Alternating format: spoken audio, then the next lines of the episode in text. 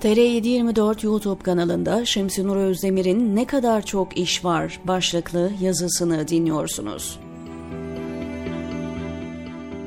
Ne kadar çok iş var, ne kadar. Durumumuz ne kadar namüsait. Başka bir derdimiz, gayemiz yok. Allah'a karşı vazifeden başka. Halbuki bir sürü şey musallat bize.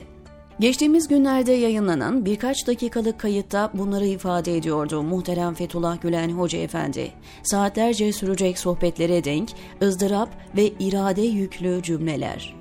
Gerçekten durup şöyle bir baktığımızda ne kadar çok işimiz, ne kadar çok musallat olmuş kişiler, namüsait durumlar ve tamir olmamış ruh hallerimiz var değil mi?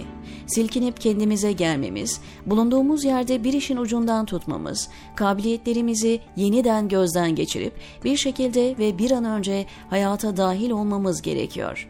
O hüzünlü, yürek sızlatan türküde dediği gibi, bir fırtına tuttu bizi, deryaya saldı. O bizim kavuşmalarımız, ah yarim, mahşere kaldı. Acılarımız hala taze belki ve tekrarlanıyor her dem. Yeni bir zulüm, kayıp, ölüm haberi alma korkusuyla bakıyoruz sabahları telefona. Fakat işte her şeye rağmen hayat devam etmeli, hizmet devam etmeli. Yapacak çok işimiz var. Belki eskisinden daha çok. Geçtiğimiz günlerde katıldığım bir toplantıda karşılaştığım değerli bir büyüğüm, manevi ablam her zamanki gibi etrafına moral verirken aslında bir taraftan gözleri dolu doluydu. Türkiye'de yapılan son operasyonlarda ciğerparesi evladı arkadaşına yardım ettiği için sanki bir suçluymuş gibi aylarca takip edilmiş, sonra gözaltına alınmış, mahkemeye çıkarılmayı bekliyordu. Söz arasında söylemişti bunu, dua almak gayesiyle o hüzünlü haliyle yapacak çok işimiz var diyerek davet edildiği toplantıya gelmişti. Hem onun evladına hem de diğer bütün mazlum ve mağdurlara dualarımızı gönderdikten sonra hizmet adına neler yapabileceğimizi tartıştığımız beyin fırtınası oturumlarına dahil olduk. Aslında bu yazıdaki temel niyetim bu toplantıdan bahsetmek. Geçen hafta bulunduğum şehirde hizmet hareketi gönüllülerinin organize ettiği buluşmanın mahiyeti, yapılma şekli ve ortama hakim olan genel havanın hizmet adına ve kendi bulunduğum yerin muhkemleşmesi anlamında bir dönüm noktası olduğunu hissettim.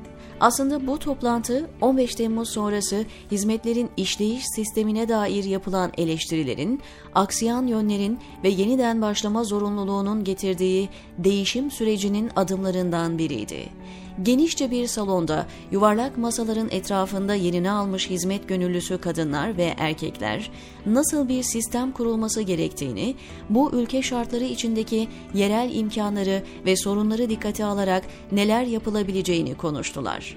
Biz karar verdik, şöyle yapılacak, bunlar olacak şeklinde tepeden inme bir uygulamayla değil, geniş katılımlı bir istişare ortamında sorunlarımız nedir, çözüm önerilerimiz nedir? denilerek gerçekleştirildiği toplantı. Örneğin hizmet etmek için yeni alanlar neler olabilir diye soruldu. Gönüllülerin performans gelişimi nasıl olmalı?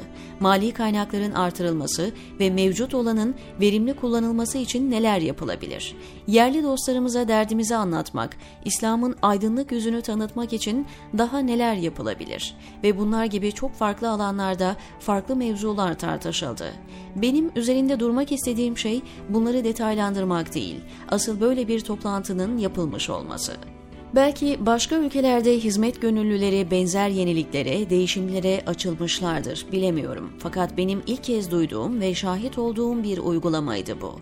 Gelecek zaman içinde benzer toplantıların yapılmasının nasıl bir ihtiyaç olduğu da gün gibi ortada. Saatlerce aynı mekanda kalınmasına rağmen dakika dakika oturumların planlanmış olması, konuşmacıların kendi sürelerine riayet etmeleri, dinleme aralarının programa hassasiyetle yerleştirilmesi de toplantı kültürünün modern standartlara geldiğini gösteriyordu o mekanda bulunan herkesin bir yolculuk hikayesi vardı. Kiminle biraz muhabbet etsek kişiye özel acı tecrübeler, yaşanmışlıklar ortaya seriliyordu. Herkes bir yönüyle yaralı olsa da bir araya gelerek hem kendi yaralarını sarma hem de başkalarına şifa olabilme derdindeydi. Çocuklarımıza nasıl maneviyat ve iman şuuru verebiliriz? Yeni nesillere yaşatmak için yaşama idealini nasıl aktarabiliriz? İnandığımız değerleri nasıl daha iyi temsil edebilir ve aktarabiliriz?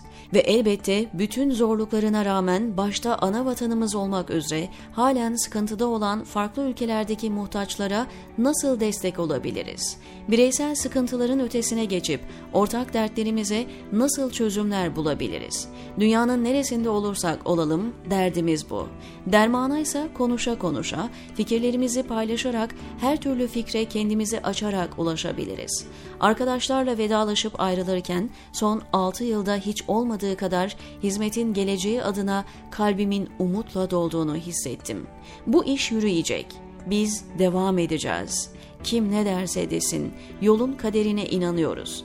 Aynı çukurlara, tuzaklara bir daha düşmeden, çamurlara bulaşmadan Allah rızası için hak bildiğimiz yolda yürümeye devam edeceğiz.